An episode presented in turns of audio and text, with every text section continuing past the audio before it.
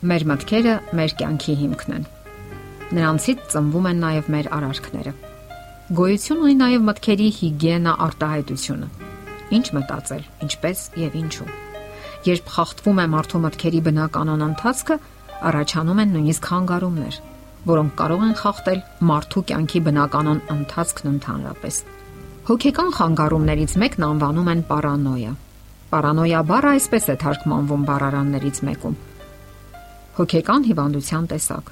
որը բնորոշվում է կենսական տպավորությունների յուրատեսակ զառանցանքային վերամշակմամբ, պահպանելով մտածողության ձևական ճշմարտացիությունը։ Իսկ բժշկական փոքր հանրագիտարանը հետևյալ սահմանումն է տալիս. Խրոնիկական փսիխոզ, աստիճանական զարգացող, համակարգված զառանցանք, երբ բացակայում են ինտելեկտի նվազումը, անznավորության ակնառու փոփոխությունները եւ պահպանվում են ձերբերովի գիտելիքները։ Ուշադրություն դարձնելով այս բնորոշումների վրա նկատենք, որ այսպիսի հիվանդները պահպանում են մտածողության ձևական ճշմարտացիությունը։ Գործնականում սա նշանակում է, որ մարդը կարող է մնալ իր գործի պրոֆեսիոնալը, լուծել բարդ առաջադրանքներ եւ ոչ մեկը չի կարող իմանալ նրա իսկական ախտորոշումը։ Մյուս կողմից, պարանոյան մարդու շրջակա իրականության երևույթների մեկնաբանության հարց է։ Հայտնի է, որ միևնույն իրադարձությունը կարելի է մեկնաբանել տարբեր ձևերով որովհետև տարբեր են պատճառներն ու դրթումները։ Սա նշանակում է, որ միշտ էլ կարելի է սովորել ճիշտ մեկնաբանել իրադարձությունները։ Պարզ է նաև, որ ցանկացած մարդ ենթակա է այս կամ այն ազդեցությունների եւ նրա արարքները կրում են անհատական առանձնահատկությունների հետքերը։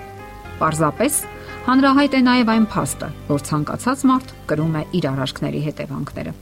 Աստվածաշունչը դա մեկնաբանում է այսպես որովհետև ինչ որ մարդ սերմի, այն էլ կհանձի։ Այսինքն մենք պատասխանատու ենք մեր յուրաքանչյուր բարի, մտքի ու արարքի համար։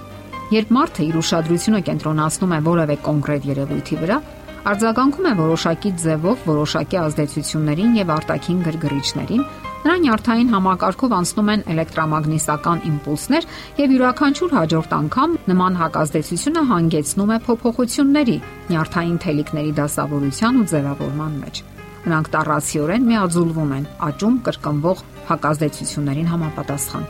Արդյունքում մարդու մարմնում նրա նյարդային համակարգում հայտնվում է տրորված հիմնավորված ուղիներ, որոնք սահմանում են ավտոմատ հակազդեցությունը եւ ստեղծում մտածողության տեսակը։ Բարի լուրն այն է, որ մենք ընդունակ ենք օգտվելու այն շնորհներից եւ pašարներից, որոնք մատչելի են նույնիսկ ոչ մասնագետներին։ Եվ այդ ձևով մարդը կարող է գերազանց վիճակում պահել մտածողության որակն ու քանակական աճը։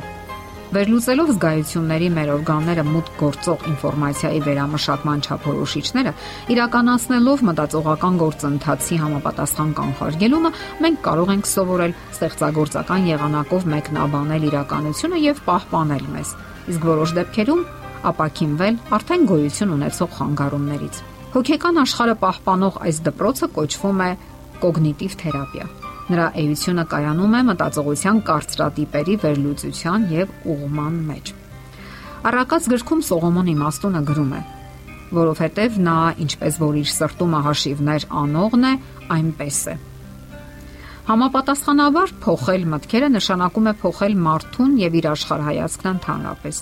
Ահա թե ինչու Պողոս Արաքյալը այսպիսի խորհուրդ է տալիս. Եվ մի կերպարանվեք այս աշխարհի կերպարանքով, այլ նորոգվեցեք ձեր մտքի նորոգությամբ, որ դուք քննեք թե ինչն է Աստծո կամքը՝ բարին, հաճելին ու կատարյալը։ Ինչպես պահպանենք մեր մտքերը ճիշտ ուղղության մեջ։ Շատ կարևոր է որ չդատենք, չքննադատենք եւ առանց իմանալու ճշմարտությունը չմեղադրենք ոչ մեկին իրավաբանության մեջ նույնիսկ կա այսպիսի արտահայտություն՝ անմեղության կամ խավարկած։ Այն առաջացել է լատիներեն ենթադրություն բառից։ Սա նշանակում է, որ մեղադրվողը համարվում է անմեղ այնքան ժամանակ, քանի դեռ չի ապացուցվել նրա մեղավորությունը։ Աստվածաշնչում այս սկզբունքի մասին այսպես է գրվում. Միթե մեր օրենքը մի մարդու դատում է, եթե առաջ չլսի նրանից եւ չգիտենա թե ինչ է գործում։ Ահա թե ինչու չի կարելի չարախոսել մարդուց ու բամբասել, դատել միայն աչքի տեսածով եւ անհիմն ենթադրություններ անել։ Ունենք կասկածներ, զրուցենք այդ մարդու հետ եւ ճշտենք մեր մտքերը։ Շատ դեպքերում նման զրույցները ճիշտ ուղու վրա են դնում մեզ եւ մեր չար ու ոչ բարի մտքերը պարզապես գոլորշի անում են։ Աստվածաշնչի հիմնակարը սերն է մարդու հանդեպ, սեր մերձավորի հանդեպ Դա մեզ տալիս է դրական մտածողություն եւ ճիշտ վերաբերմունք շրջապատի հանդեպ։ Այսինքն, մենք ձևավորում ենք մարդկանց դրթապաճառների, մտքերի, բարերի, արարքների հանդեպ դրական մեկնաբանություններ։ Աստվածաբան Ուիլյամ Բարկլին գրում է. Սերը միշտ հավատում է մարդու մասին լավագույնին։ Հաճախ ստացվում է այնպես, որ մենք մարդկանց դարձնում ենք այնպիսին, ինչպիսին մտածում ենք նրանց մասին։ Պետք չէ կենտրոնանալ շրջապատի մարդկանց բացահայտ բացասական գործոնների վրա։ Պարզապես հասկացեք մարդկանց եւ ընդունեք նրանց հենց այդպիսին։ Կենտրոնացրեք ձեր մտքերը Պողոս Արաքյալի հետևյալ խոսքերի վրա։ Այսուհետև եղբայրներ, ինչ որ ճշմարիտ է, ինչ որ պարկեշտ, ինչ որ արդար, ինչ որ սուրբ, այն մտածեցեք։ Եվ դա հոգեոր առողջություն կպարգևի մեզ բոլորիս։ Եթերում է ղողանջ հավերժության հաղորդաշարը։ Ձեզ հետ է Գեղեցիկ Մարտիրոսյանը։ Հարցերի եւ առաջարկությունների դեպքում զանգահարեք 041 08 20 93 հեռախոսահամարով։ Հետևեք մեզ hopmedia.am հասցեով։